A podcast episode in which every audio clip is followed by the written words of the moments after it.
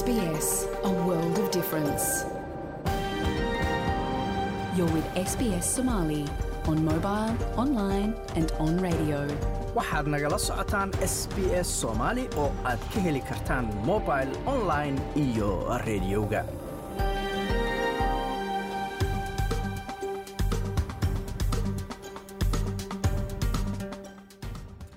ramadaan kariim ayaanu leenahay dhammaantiin meel kastoo aad joogtaan waa habeen arbacaha bisha maarsan ay tahay sannadka labada kun iyo labaatan iyo saddexda.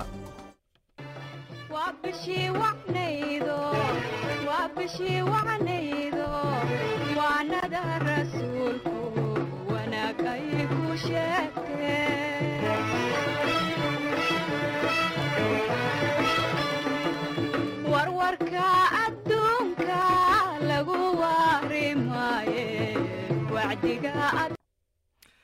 ramadaan kariim ayaanu leenahay. Mar kale halka aad nagala socotaan ama naga dhegeysanaysaanna waa laanta af soomaaliga ee idaacadda s b s oo idinkaga imaaneysa stuudiogaanu ku leenahay. Magaalada melbourne magacayguna waa xasan jaamac. Waxyaalaha aad caawa idaacadda ku maqli doontaanna waxaa ka mid ah. Waxba qiimo ma laha cunta dhaafku iyo cabitaan dhaafku. Marka ruuxa waxaa laga rabaa inay akhlaaqda isbedesho waxaa laga rabaa inuu raxmadda ilaahay addoonkan siiye isagana ay ka muuqato oo sifaadka ilaahay subxaanahu watacaala inta bani aadamnimadu ay jaamaxayso uu isku dayo inuu ku dhaqmo. Waa sheekh cabdinuur sheekh maxamed weli oo nooga warrami doona faa'iidooyinka bisha ramadaan oo berito ka bilaabanaysa caalamka oo dhan. Sidoo kale waxaad maqli doontaan dabcan wacyigelintu aad bay u ballaaran tahay. Marba baahida qofka iyo xaaladda qofka ku sugan yaha waxaan ula jaan qaadnaa sida yacni ugu fudud ilah wuxuu dhahay cudu ilaa sabiili rabbika bilxikma. Xikmaddaa muhiima xikmaddan waxay tahay in wax walba dhigi kartid booska loo baahnaa. Qofka mugta waa ina eegtaa yaaba qofkan. Qofkan sida ula hadlaa dad badan waxay aqoon yahane eh dad badan jaamacada soo dhameeyey barnaamij wacyigelina oo ay qabteen abuukar iyo cumar maxamed oo ah laba wiil oo walaalaa oo dhallinyara oo degan dalka holland. Haddase booqasho ku jooga dalkan australia waraysi ayaad ku maqli doontaan. Sidoo kale maraykanka waxyaabaha kaga fiican yahay. Integrationka aad buu badan yahay dadka dhallinyarada wax ku bartaan oo kaleeta first generationka yimaada waddankan. Maraykanka jaamacadaha ka dhigtay waa u fududahay inay dhex galaan isdhexgal ay sameeyaan oo kombaniyada iyo dowladda iyo galaan why aad aragtay konton iyo sagaal qof oo soomaaliya in hadda ay dowladda maraykanka baarlamaanka iyo baarlamaanka weynaa ay ku jiraan. Doctor bashiir nuur looyaan oo ah ditoor degan dalka maraykanka haddase shaqo ku jooga dalkan australia oo xubno ka mida jaaliyadda melbourne markaasi ay xaflad u dhigeen waraysi ayaad ku maqli doontaan. Marka horese wararkaca waxaa ugu waaweyn koox loo xil saaray in ay ka soo shaqayso talana ka soo bixiso aftida loo qaadayo dadka dalka loogu yimid inay markaasi hadal ama cod ku yeeshaan baarlamaanka dalkan australia ayaa sheegay inay ku dhow yihiin inay soo gebagabeeyaan shaqadii loo diray. Halwadeennada dalka maraykankuna waxa ay kordhiyeen ammaanka magaalooyinka waaweyn ee new york iyo washington iyadoo la sii saadaalinayo dibadbaxyo dhaca oo lagu taageeraya madaxweynihii hore donald trump. Wararkaas iyo kuwo kale ee diyaargarooba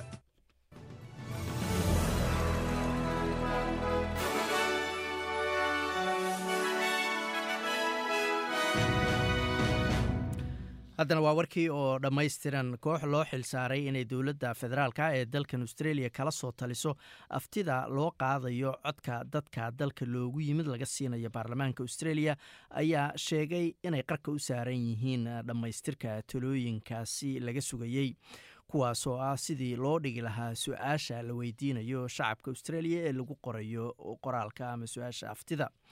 Kooxdan oo loo bixiyey referendum working group ayaa caawa oo arbacaa la kulantay xubnaha ugu muhiimsan dowladda federaalka oo uu ka mid yahay ra'iisul wasaare antony albanisi iyo wasiiradda arrimaha dadka indigeneska linda berny iyo weliba xeer ilaalyaha guud mark drivers kelmadaha lagu qorayo aftida ayaa laga wada hadlayaa isla caawo kadibna waxaa saxiixi doona ayaa layidhi golaha wasiirada maalinta isniinta ee asbuuca soo socda. La guddoomisada kooxdan rofesorad megan davis ayaa sheegtay in kooxdan ay hore isugu raacday qaab dhismeedka su'aasha haddana ay joogaan meeshii ugu dambeysay inay markaasi dowladda ka tala siiyaan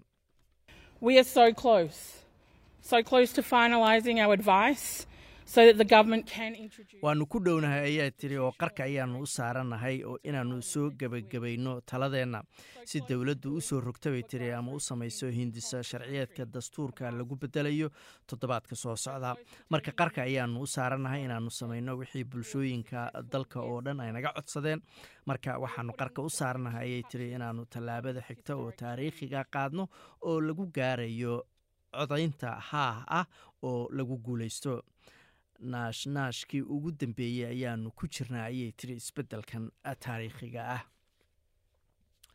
Premierka gobolka new south wales uh, dominic perrotey iyo hogaamiyaha xisbiga leyborka chris mins ayaa markaasi yeeshay doodoodii u dambeysay caawa oo arbaco ahayd. Ka hor doorashada sabtidan dhici doonta hogaamiyaasha xisbiga ayaa doonayay in midba midka kale daldalooladiisa uu markaasi dibadda soo dhigo markay noqoto arrimaha siyaasadda. Doodan ayaa lagu qabtay galbeedka magaalada sydney waxaana ka qaybgalay ayaa la yidhi boqol codbixiyaala oo iyagu weli aan go'aansan cidda ay u codayn lahaayeen. Waxaana lagu qabtay doodan xaafadda benrid ee ku taala galbeedka magaalada sydney halkaas oo markaasi dadkaasi ama boqolkaas codbixiyaasha ay awood u yeesheen inay hogaamiyaasha weydiiyaan su'aalo ku aadan himiladooda ama waxa ay doonayaan inay ku hogaamiyaan gobolka haddii doorashada ay ku guulaystaan saddex meelood oo meel afar dhibic toddoba milyan oo codbixiyaala oo la filayo sabtida inay codkooda dhiibtaan ayaa codadkooda ka dhiibanaya ayaa layidhi ama degan galbeedka magaalada sydney. Halkaas oo layidhi korarka maciishadda iyo markaasi mushaarooyinka ay qaataan oo yaraaday ay aada ugu dhufatay waa gobolkaasi galbeedka magaalada sydney hadda oo saddex beri ay ka harsan tahay maalinta doorashada ayuu dominic berete waxaa lagu khasbay inuu dafiro inuu xaaskiisa oo xanuunsanayd u raadiyey in si gaara markaasi oo ka duwan dadka caadiga loola dhaqmo markii uu wacay wasiirka caafimaadka bred hazard. Markii xaaskiisu waa bishii la soo dhaafay ay xanuunsatay ayaa layidhi ra'iisul wasaaraha dalka ama jasiiradda samawa ayaa shaki ka muujisay dayactir ay china ku sameyneyso dekedda caalamiga ee solomon island faima noama mataafa ayaa ku sugan dalka australia si ay ula kulanto ra'iisul wasaare antony albanisi iyadoo labada hogaamiye ay saxiixi doonaan heshiis iskaashi oo cusub.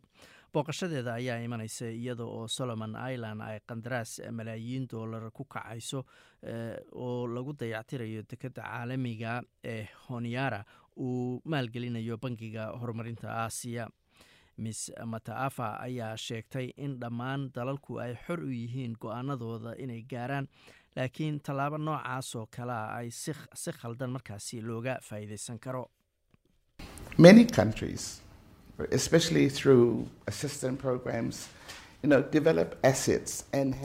Dalal badan ayaa iyaga oo gaar ahaan ah, la isticmaalayo ama isticmaalaya barnaamijyo gargaar ama horumarineed markaasi kaabayaal ama howlo ka you know, samaysta dalalka ay lacagta ku bixinayaan.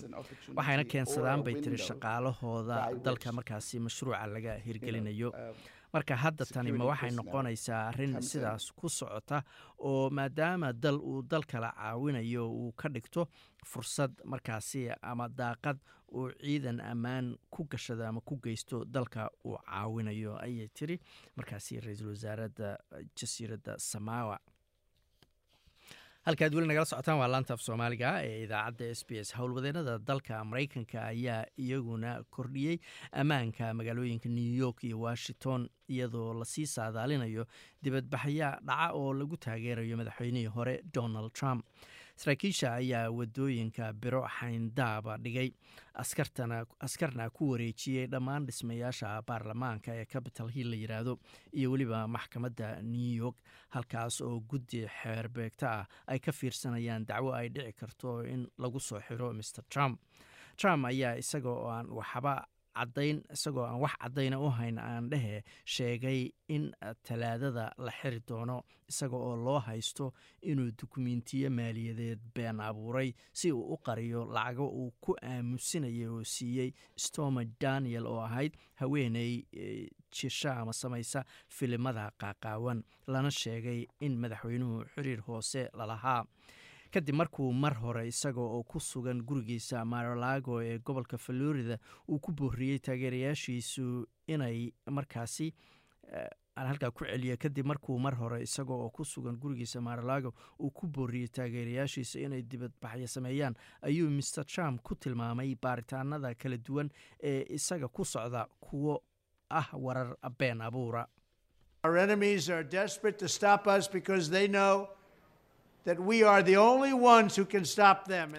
cadowgeennu waa kuwo naflacaari u ah buu yidhi inay na joojiyaan ama na hor istaagaan sababtoo ah way ogyihiin inaan cid kale oo iyaga hor istaagi karta aysan jirin. Si fiican ayay taa u ogyihiin buu yidhi. Waxay fiirinayaan oo la socdaan cod aruurinta la sameeyey oo ma aha anige oo keliye ee annagoo dhan ayaa aad tiro markaasi aad u sarraysa haysana ayuu yidhi. Way aamin la'yihiin ayuu yidhi. Laba jeer ayaan guulaysannay mar saddexaadna waan guulaysanaynaa way ogyihiin inaan ka adkaanayno laakiin aniga ma aha cidda ay u socdaan ee idinka ayay idiin socdaan. Anaase ka hortaagan ayuu yidhi wararka dibadda ayaanu weli ku jirnaaye madaxweynaha dalka china shi jinping ayaa ka dhoofay caasimadda dalka ruushka ee moscow. Kadib saddex maalmood oo wadahadal uu la lahaa dhigiisa dalka ruushka valadimir putin. Wadahadallada ayaa waxaa ka dhashay inay qoraal soo wada saaraan labadan dal oo markaasi ay kor ugu qaadayaan iskaashigooda dhanka istaraatiijiyadda waxayna ballan qaadeen inay horumarinayaan iskaashiga dhanka tamarta farsamooyinka cusub iyo qaybo kale. Inayna ballaarinayaan isticmaalka ay isticmaalaan lacagaha labada dal marka ay labada dal ganacsi markaasi isu gudbinayaan.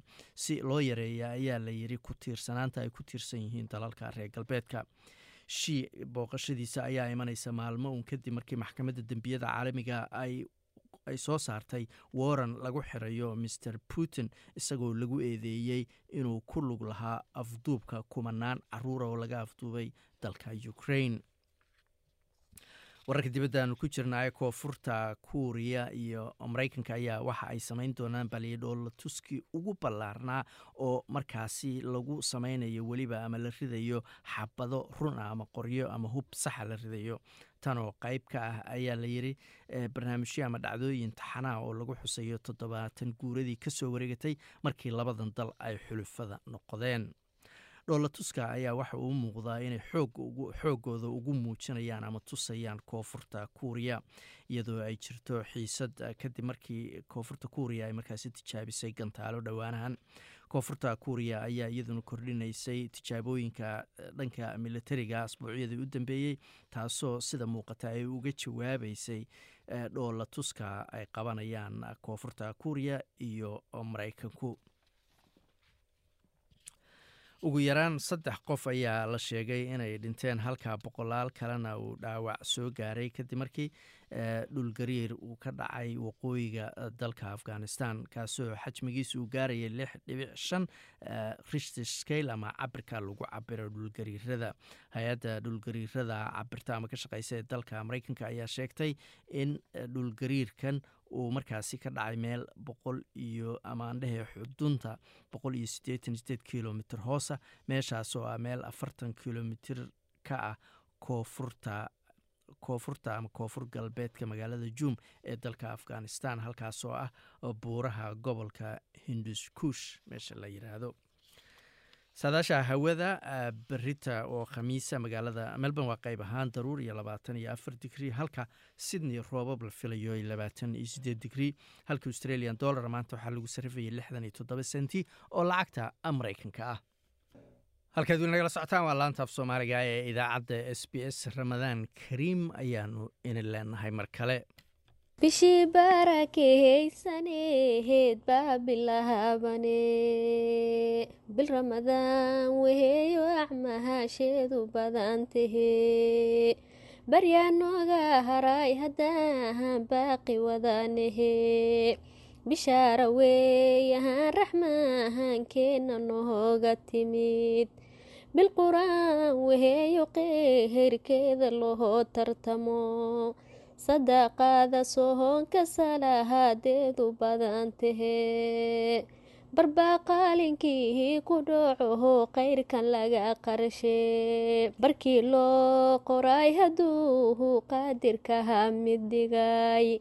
Intaysan bilaaban qalbihigaada qayr ku beer adkaartiya baryaada rabbihigeenna daris la noqo. Cafi walaalkuhu qilaaha faadaxdihiina yaal. Bilquura weeyahaanu qayrkeedu badan yahe adoo xumaan guraanayaa yaysan kaha galbanin. Waxaad dhegeysanayseen buraanburkii ramadaanka ee caasha dabaalato ramadaan kariim ayaanu ni leenahay. Weli waxaa noo soo socdaa warbixin ama waraysi aanu la yeelanay cumar iyo abubakar waa laba dhalinyara oo dalkan australia booqasho ku jooga. Wacyigelinayana qoysaska ama bulshada dalkan australia gaar ahaan dhalinyarada iyo hooyooyinka iyo weliba bulshada guud. Marka horese sheekh cabdinuur sheekh maxamed weli waxau ka mid yahay culimmada waaweyn ee magaalada melbourne waxaana weydiiyey bal muhiimadda markaasi bisha ramadaan ay leedahay. Bismi illahi raxmaan raxiim alxamdu lilah wasalaatu wasalaamu calaa rasuuli illahi sala allahu alayhi wasalam xasanow waa alxamdulilah rabb alcaalamiin bishan barakaysan. Fadligeeda intaynaan gelin adiga iyo inta ku mashquulsan inay ummadda wax uga sheegto ama ay gaadhsiiso horta ilaah isagu waa qaadiri ajrigeeda. Allah idin siiyo innagana kuwii ilaahay uu ku anfaco bishan ka faa'iideysta ilaahay ka aqbala allahay nagu daro. Ahamiyadda bishu way qaybo badan tahay runtii dhinacyo badan bay qofka mu'minka ah muslimiinta ay qayb uga uga leedahay ahamiyad.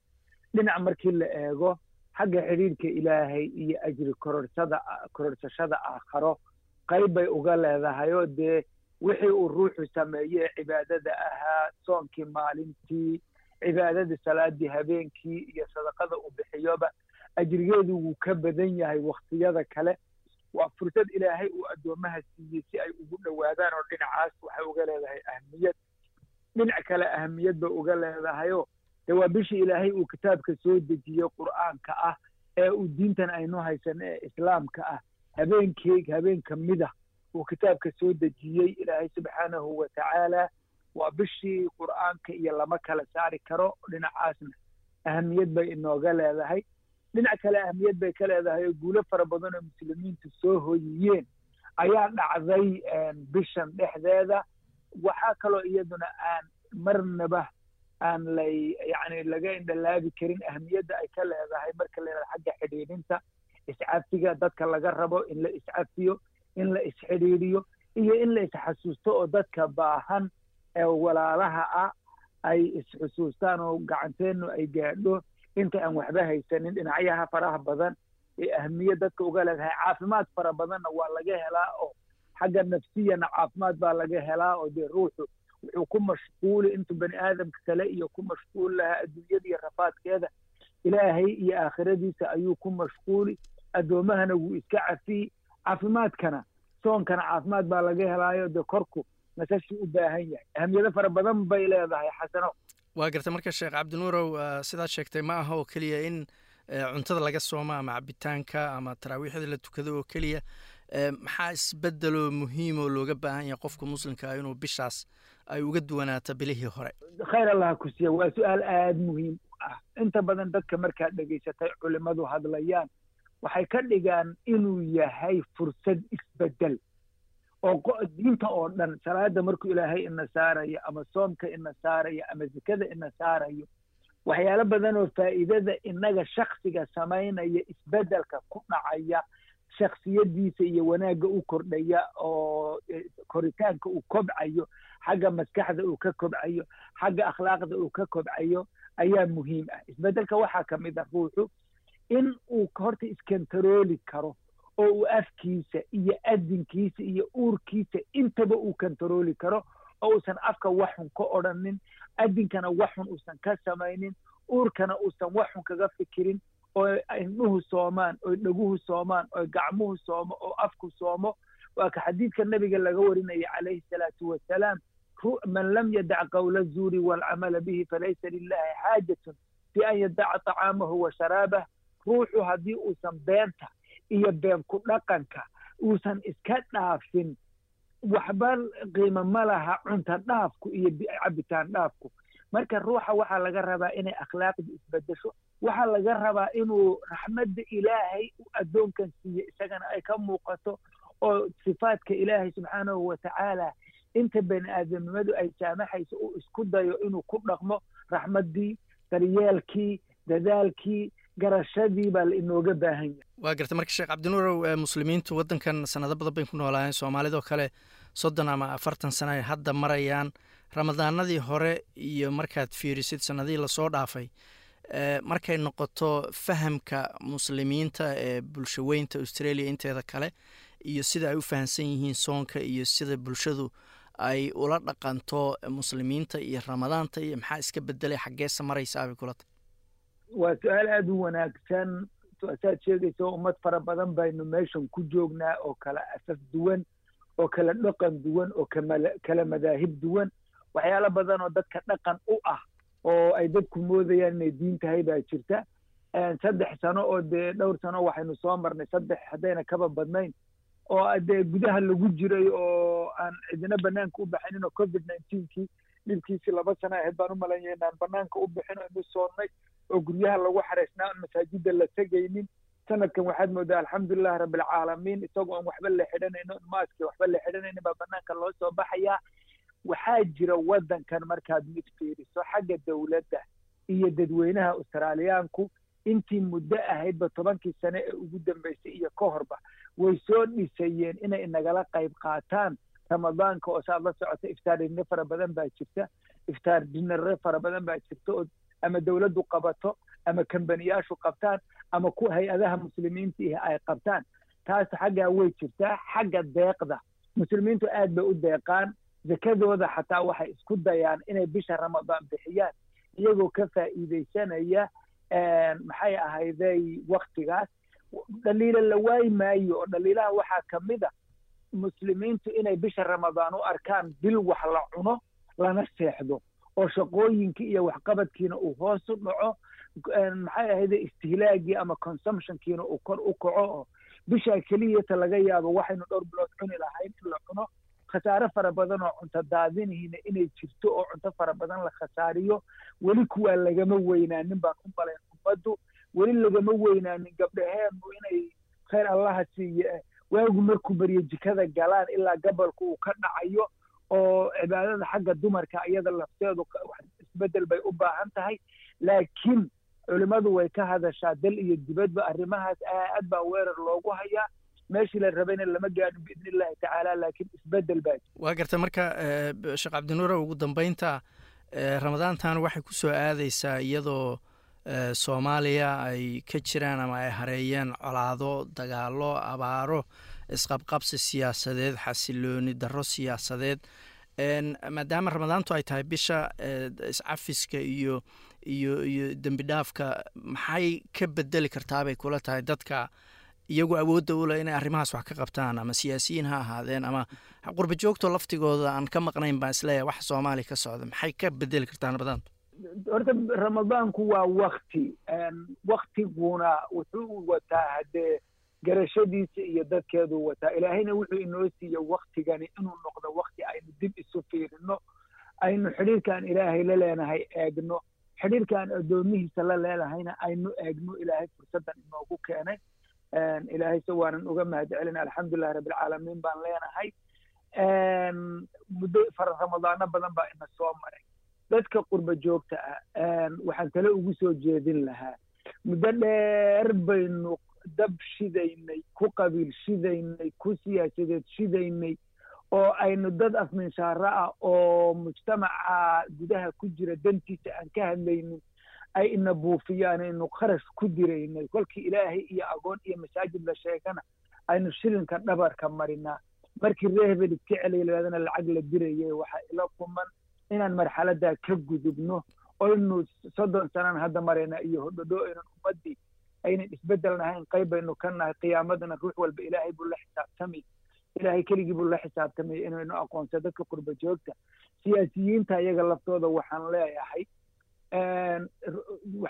waxa weeye ilaahay baa wuxuu leeyahay ruux waliba qiyaamada isagoo keligiya buu ilaahay hor istaagay keligii buu ruux waliba ilaahay hor istaagay ree hebel baan hor istaagaynin dowlad baan hor istaagaynin maxay ahaydee wasiiradaan hor istaagaynin xildhibaanaan hor istaagaynin ruux waliba keligii buu hor istaagaya marka bal ruux walowba taladan soo jeedinaya waxa weeyaan ruux walowba dib isugu noqo oo ilaahay su'aalaha uu ku weydiin doono jawaabtana wuu og yahay eh ma u haysaa jawaab munaasab ahoo ku habboon. Maxaa isbedeli kara ilaahay raxmaddiisa lagama quusto. Waa bishii rajaha waa bishii alle u dhowaanshaha. Ilaahay waxaan ka rajaynaynaa inuu qulubta ummadda bedelo oo axwaashooda axwaashan si ka fiican uu u bedelo aan ku darsado. Waa bishii dembi dhaafka iyo naxariista iyo isxusuusta. Dadka waxaystaay dadka walaalahooda ha xusuustaan ama dal ha joogaan ama dibad ha joogtaan. Walaalkaa afuri barnaamijyo abaa jira abaara saad sheegtay iyo agoonno fara badan baa jira rafaad fara badan baa jire eh ilaahay ha loogu dhowaado oo dadka ha lagala qayb qaata dhibka. Intaasaan odhan lahaa xasano kaasina wuxuu ahaa sheekh cabdinuur sheekh maxamed weli. Sheekh aad baa u mahadsantaha halka aad kala socoteen waraysigaasna waa laanta af soomaaliga ee idaacadda s b s wararkeena caawana. Waxaa ugu waaweynaa koox loo xilsaaray inay dowladda federaalk ee dalkan australia kala soo taliso aftida loo qaadayo in cod lagu siiyo dadka dalka looga yimid.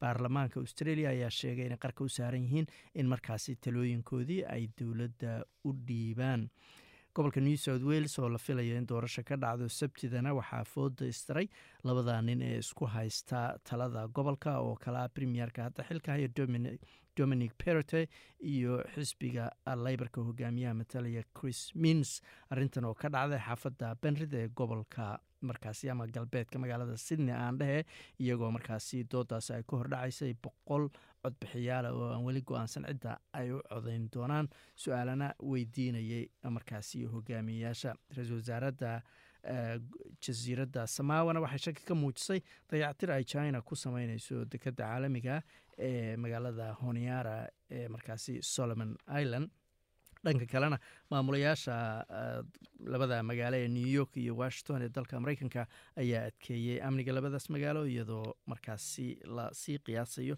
ama la saadaalinayo in madaxweynihii hore donald trump halkaasi u yimaado ama taageerayaashiisu ay markaasi dibadbaxyo ka muujiyaan iyagoo taageeraya.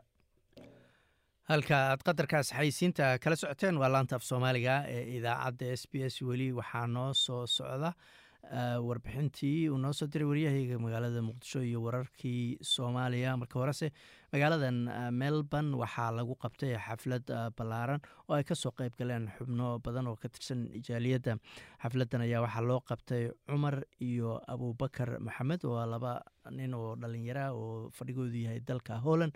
Haddase booqasho ku jooga dalkan australia barnaamijkan ayaa ku saabsanaa wacyigelinta dhanka diinta iyo weliba arrimaha bulshada ee bulshada soomaalida haysta. Dhallinyaradan ayaa dalal badan oo hore markaasi hore u tegay cumar oo ka mida labadaas wiil ayaan balweydiiyey ujeeddada safarkooda waxaana u yidhi aad yaad umahadsanta walaalkay qiimaha badan. Waxaan sidoo kale u mahad raadiyoga s b s. Maasha allah tacala luqadaha kala duwan ku hadla luqada soomaaligana in lagu soo daro aad yaad ugu faraxsanahay taas waxay tilmaamaya waxay tahay soomaalida qiimaha iyo wanaag ay ku leeyihiin wadankan australia. Markaan ka soo tagay arrintaas oo dhan? Alxamdu rabbi caalamiin waxaan halkaa u nimaanay in aan wacyigelino dhallinyarta la kulanno waalidiinta jaalidaha masaajidada aan eegna bal xaaladda soomaalida ay ku nool yihiin wadanka australia. Islamarkaas kaalinta wacyigelintana oo anaga badan lagu yaqaan aan buuxin maasha allahu tacaala sidaa arkaysay kulanka maanta aan qabanay march maasha allahu tacaala kulan soomaalida isku imaada ayay ahayd da-dooda kala duwan hooyooyinka dhalinyarada ilmaha maasha allahu tacaala taa wax tilmaamaya o dhan waxay tahay si dadka u jecel yihiin wacyigelin dhegeystaan haddana waxaa soo socda bil barakaysa ramadaan wacyigelinta waxay ku lifaaqneed maasha allahu tacaala ramadaan sababtoo ah ma ogtahay qofka wuxuu u baahan yahay inuu ruuxdiisa ilaahi subxaana wa tacaala ku xiro iimaan badan la yimaado wanaag badan la yimaado. Sidoo kale dhaqamadiisa asluubta u bedeli lahaa dhaqamada u wanaajin lahaa.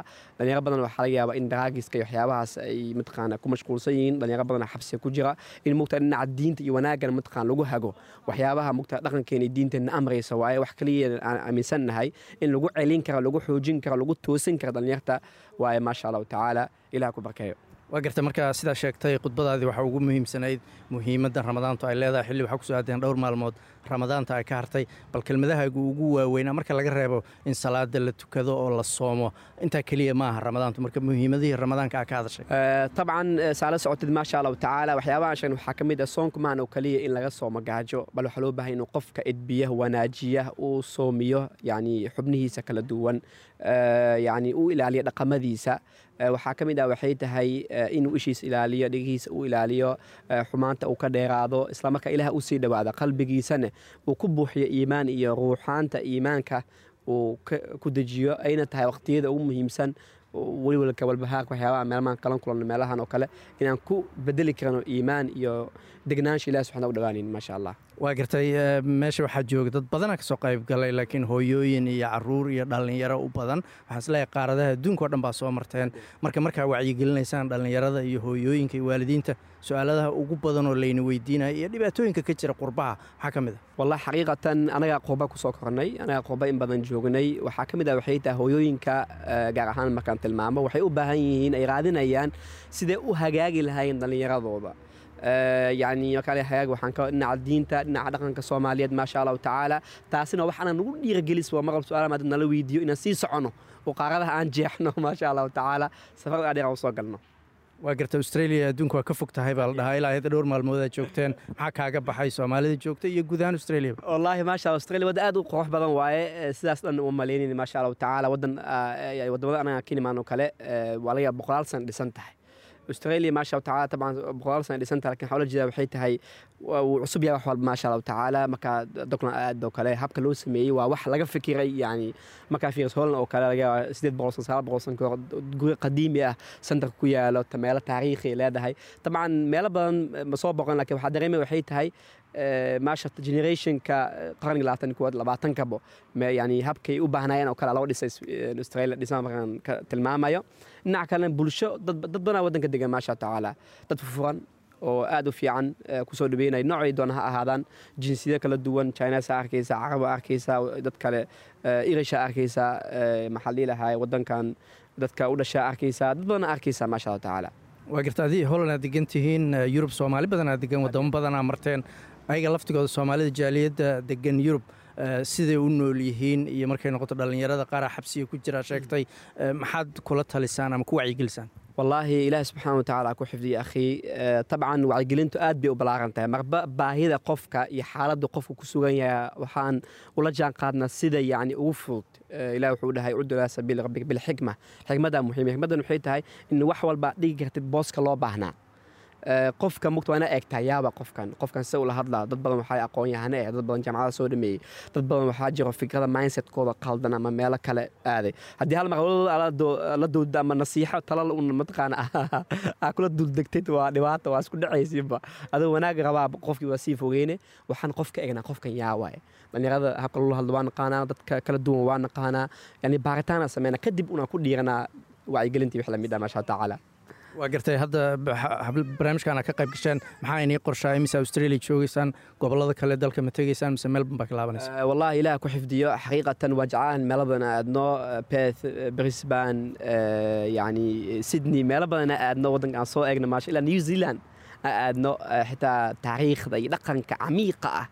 Wadamada ay leedahay meelaha badan aan soo boqon aad jeclaan laheenay laakiin dhibaatada waxaa waaye ustaadii waqtiga aad nagu yar. Ramadaana soo dhow طبعا meel mogtahay familka iyo ehelkana la soonta aad u fiican tahay dadka masaakiinta ramadaan mal waxaan sameyna waa afur siina caaday noo tahay taasa lagama baaqan karo inaan sii wadno waa jeclaan lakiin taasaa ka xoog badan oo mataqaana baahida jirta maasha allah waa garta ugu dambaynta marka soomaali badan hadda carruurta waxay kula noqdaan africa ama soomaaliya ama dalalka carabta oo haddana waxaan aragnaa dhalinyaro badan oo afrika weli ka soo tahriibayso oo maraykan iyo yurub iyo u socda.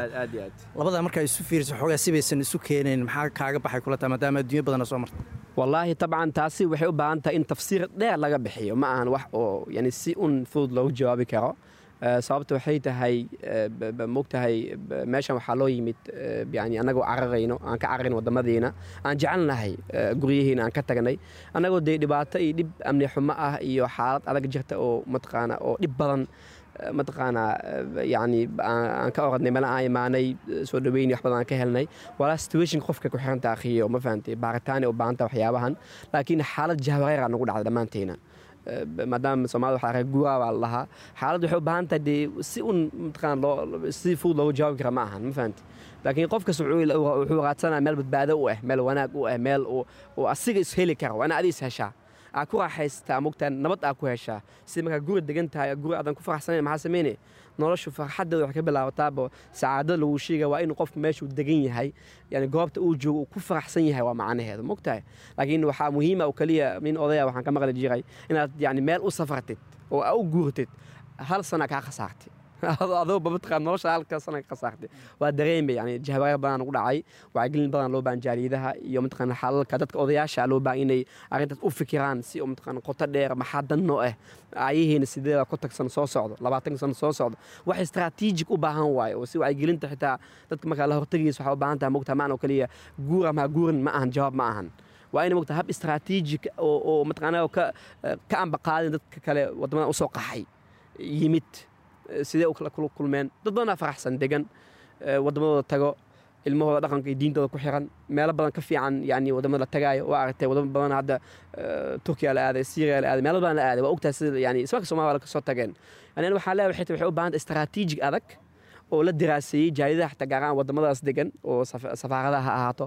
Inay ummadda dadku wacyigelin buuxda ka siiyaan waay meesha u soo guurayaan waay meesha u imaanayaan dhibaato may kala kulmayaan. Yani waa dareemay mogtaa ustaadi taasina yani dadku way waxyaris waxaa u malaysaa inay yani una u malaysid in stabil stabilityd uusan jirin.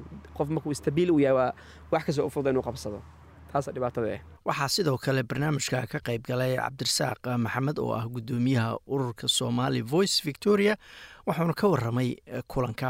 Waxay ahayd muxaadaro aada u qurux badan dhallinyaro badan ka soo qayb gashay mudnaanteeda leh bisha ramadaana soo socota barakadeeda leh laba ninoo martiya sidaa la wada socotaan oo walaalaa nooga yimid holan oonu ku soo dhoweynay aanu la qabanay howlo badan. Alxamdulilah rabbialcaalamiin ay aadna noogu hagaagtay bulsho intaan laego meel isugu timaadana ay tahayba markii iigu horreysay ama aad ay u yartaaba in la arko bulsho dhallinyaraha oo intaan la eg oo meeshaan isugu timaada insha allahna waxaannu rajaynaynaa kuwii wax ka waana qaata oo ka wacyi qaata oo insha allah joogta ka dhiga.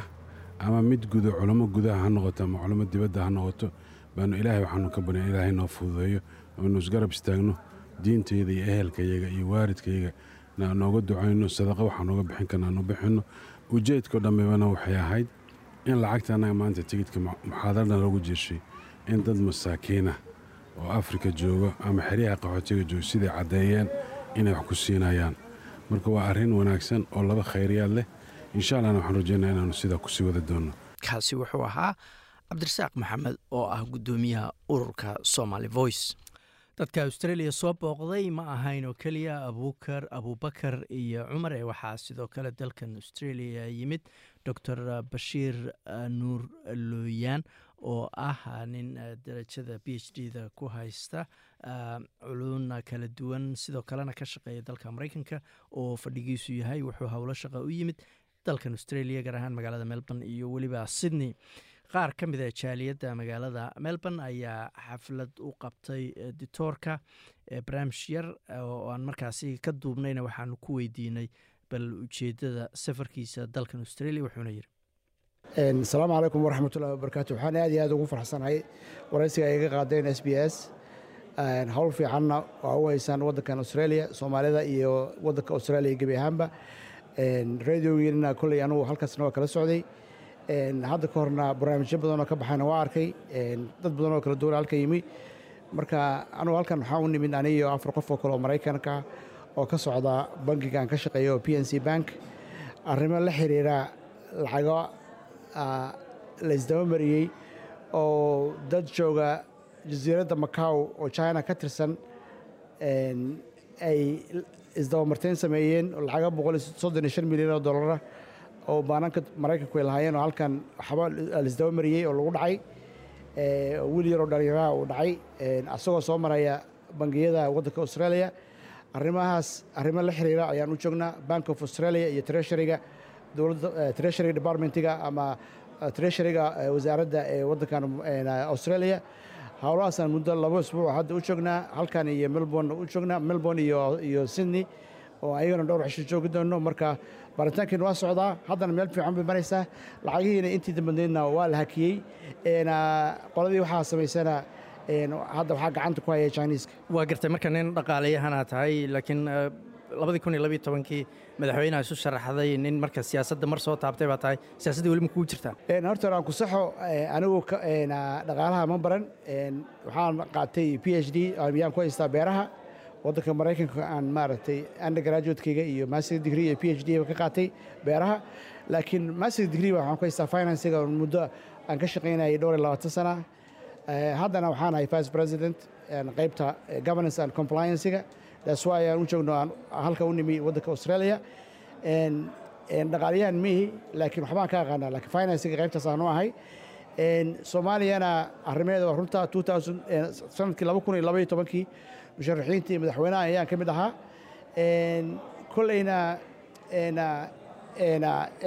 soomaaliyana arrimeeda weli fare kama qodna laakiinse nin mar waxaa bartay suuga hara waa adag. Waa gartay marka hadda guud ahaan waddanka waa la socotaa fare kama qodnaa tiri maxaa kala socotaa maxaad ka bedeli lahayd maanta haddaad aad nasiib u yeelatid inaad xil dowladda sare ka qabatid oo kale? Waddanka soomaaliya hadda dowlad cusub baa ka dhalatay. Hadda sagaal bilood bay joogtaa afar sano kalaa u dhiman. Marka hawshooda ha dhammaystaan marka wax hadda lagu qiyaasi karo sida xaaladu tahay waa adag tahay in la ogaado ilaa ay sanooyin joogaan. Marka wixii cusubna waxaasaa ka qaldan mase waxaasaa u hagaagsan lama oran karo. Marka sagaal bilood bay joogaan aan aragno intay wax u kala hagaagayaan. Markaasaa la cabiri karaa waxyaabaha in laga saxa u baahan tahay iyo waxyaabaha in lagu kordhiyo u baahan tahay waa garta caawa jaaliyadda la kulantay halkan casha lagugu sameeyey khudbo yar baad ka jeedisay. Guud ahaan markaa fiirisid jaaliyadda australia degan iyo adigoo reer ohayata ama reer maraykan. Markay noqoto siyaasadda la galay iyo sida soomaalidu dadka diyaasbarada ay waddamada ula falgaleen. Maxaa kaaga baxay? Wataan kuu sheegayba waxyaabaha la yaab kale aan ku arkay xafiisyada dowladda wasaaradda maaliyadda treasuryga iyo central bank of australia. Aan halkan u nimid aan la joogno kuma arag dad badan oo ajnabi ah oo dadka madmadow dadka kalarka loo yaqaana sida anoo kaleeta madmadow ama ama waddamada asia ka yimaaday hal iyo labo indho yara oo chinese waa u laakiin badankood dadku dad waxay ahaayeen waxaa loo yaqaana caucasianka mise dadka caddaanka ah. Marka maraykanka waxyaabaha kaga fiican yahay. Integrationka aad buu badan yahay dadka dhallinyarada wax ku bartaan oo kaleeta first generationka oo waddankan. Maraykanka jaamacadaha ka dhigtay waa u fududahay inay dhex galaan isdhexgal ay sameeyaan oo kambaniyada iyo dowladda iyo galaan. That's why aad aragtay konton iyo sagaal qof oo soomaaliya in hadda ay dowladda maraykanka baarlamaanka iyo baarlamaanka weynaa ku jiraan. Xilal wasiiraha ay minnesota ka hayaan. Baarlamaanka gobollada ay ku jiraan. City consulada magaalooyinka ay ku jiraan. Weliba xataa waxaa haynaa gabar meeyarada weli gabar soomaaliya oo meeyarada ayaa magaalo maraykanka ka mid iyadoo qaxootinimo ku timaaday waddanka maraykanka. Marka australia waa waddan cusub. Boqol sano bay jiraan. Marka dowladda waxyaaba badan aan weydiiyey arrimaha ku saabsan kolley un integration balaan badan baan wadnaa bay dhahin jaamacadaha ka bilaabayno iskuulaadkan ka bilaabayno waxaana filaynaa ay dhahin in second generationku maarata ay la qabsadaan ay ka mid noqdaan work forcega ama shaqaalaha dowladda iyo madaxda sare ay gaaraan waddankan. Waa garta waa markii labaad oo aad australia ama melbourne timaado see u aragtaa jaaliyadda soomaalida iyo sidii kuu soo dhoweeyeen aad iyo aad waxaan aad iyo aad ugu farxsanahay in soomaali kala duwan ay soo dhoweyso inkasta aanu haddan halkan u imid arrimo shakhsi ah oo private business visit on shaqo waddankan u nimaanay anoo maraykan ka imi laakiinse dee waxaan aad iyo aad ugu farxsanahay inay dad badan oo ay joogaan aniga garanaya ama familigayga garanaya macallimiintaydaa jooga principal schoolka ii dhigi jiraa jooga. Marka aad iyo aad aan ku faraxsanahay in dad badan waa hore isu kaya dambaysa is aragno inay soo dhoweeyaan aad iyo aad baan ugu faraxsanahay maaragtay soo dhoweynta qiimaha badan ay ii sameeyeen. Ayagoo dhan waxaan leenahay jasaakum allahu khayran. Kaasina wuxuu ahaa doctor bashiir nuurlooyaan oo booqasho ku yimid dalkan australia.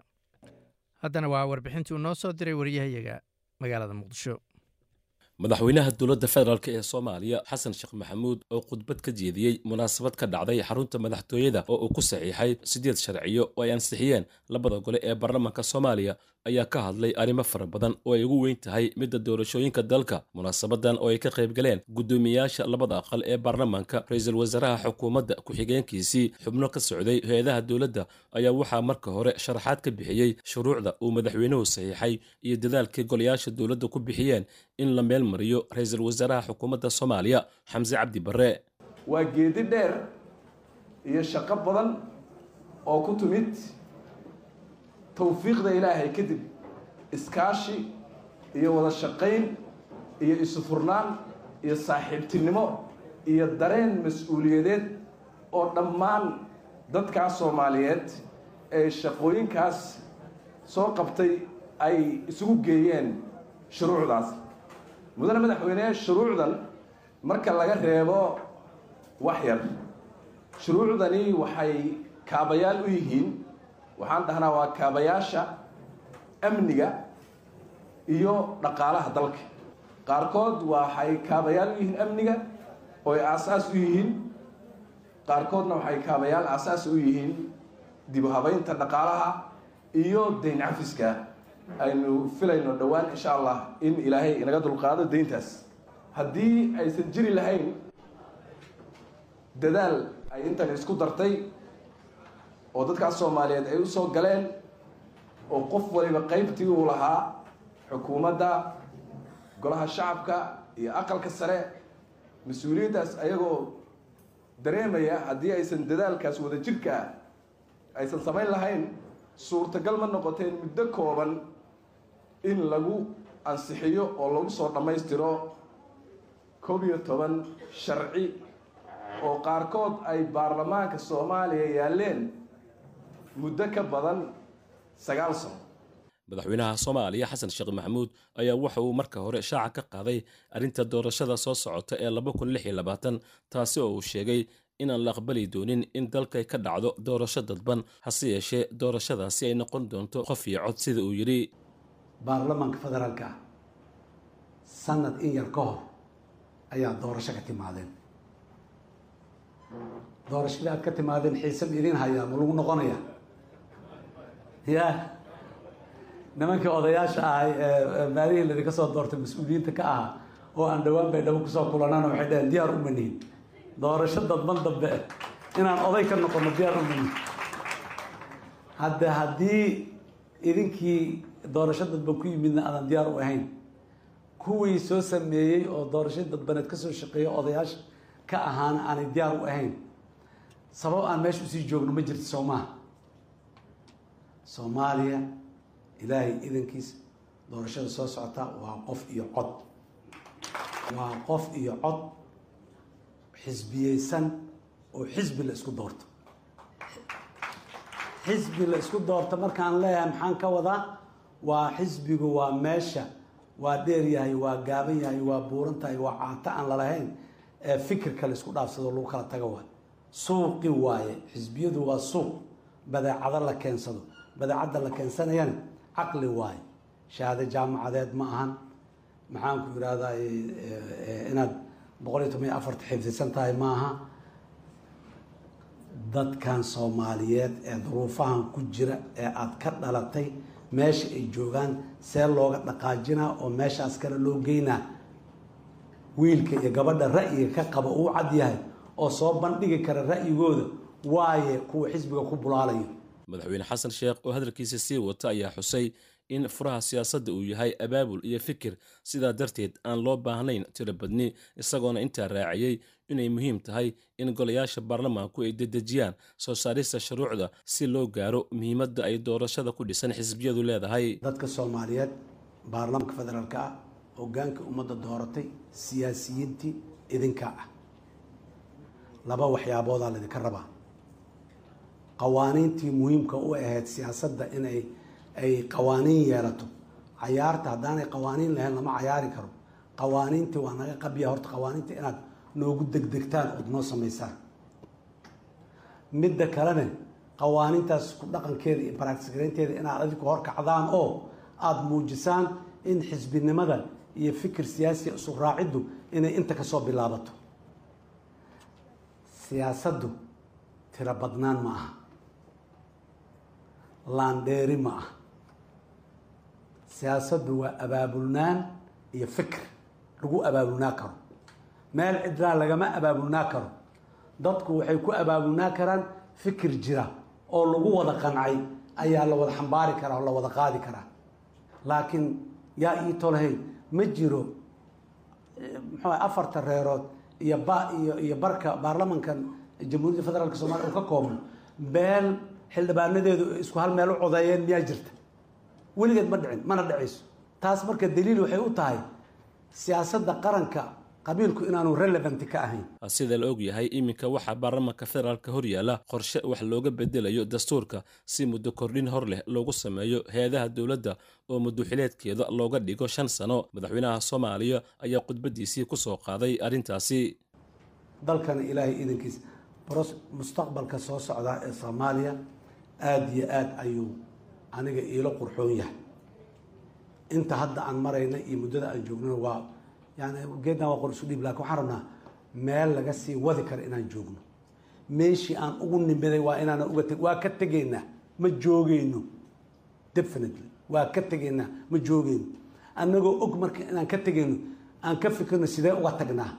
Meeshii aan ugu nimiday iyo meel ka sii hooseysa dalkii iyo dowladnimadii oo joogta miyaan ka tegaynaa mase meel un hore u socotay? Iyadoo joogta ayaan ka tegaynaa dastuurka haddaan u soo noqdo walaalayaal dastuur. Qur'aanka kariimkaa ilaahay soo dejiyey kaasaa aa la yidhaahdaa saalax likulli makaan walikulli zamaan. Diinta islaamka. Saddex boqoloo sano ka hor dasaatiirtii la sameeyey. Bug yaroo intaan la egay ahaayeen. Amendamentka gadaaloo la sameeyeyna hoolkaanoo kale buuxisaa. Waxaani waa fikiraan kaysanay inta mau ka qalloocda ha ka toosi biri haddana xagga mau ka qalloocday ka toosi. Kan ma la jaan qaadi kara waqtigii ma isbedela ha bedel technologigii ma isbedela kanna bedel waa sidaas. Haddaan marka jirino waxa wax ugu fiican oo laga yaabo in badanoo annaga nagamida qalbigeenna inay ku sawiran yihiin oo ah laga yaabee toban sano labaatan sano soddon sano ama konton sano kadib inaan gaari doono maanta aan ka dhaqaaqno shan sano kasta qorshaan samaysana sooma five year plan la yidhaha qorshahaasi waxaa la yidhahdaa ankar mala. Meel uu ka soo shidaal qaata male dalku itijaah oo muddo fog ah shan sano ilaa waa beriya itijaah muddo fog ah oo uu ka shidaal qaato oo shantan sanana intaanan gaaraynaa shanta ku xigta xaggaan ka sii bilaabi doonaa shanta ku sii xigta xaggaan daari doonaa la yiraahdo ma qabnaa la yiraahdo sidaas daraaddeed shan shan shanteena sano macal kuwii waagii kacaanka la samey jiray haddaad dib u eegtohay ma laha yani wax isu xiriiro isdaba socda ma laha. Sidaas daraaddeed teramkan annaga ilaahayna joojiyey waxaan rabnaa inaan dhisno aragtidaas. Halkaad warbixintaas kala socoteen waa laanta af soomaaliga ee idaacadda s b s idaacaddana ama wararka caawa waxaa ugu waaweynaa. Koox loo bixiyey referendum working group oo dowladda federaalk ee dalkan australia kala talinaysay. Afti loo qaadi doono si dadka indigeneska ee dalkan loogu yimid ay cod ugu yeeshaan baarlamaanka ayaa sheegay inay qarka u saaran yihiin inay markaasi taladaasi bixiyaan. Howlwadeenada maraykankuna waxa ay kordhiyeen ammaanka new york iyo washington iyadoo la sii saadaalinayo dibadbaxyo dhaca oo lagu taageerayo madaxweynihii hore markaasi donald trump.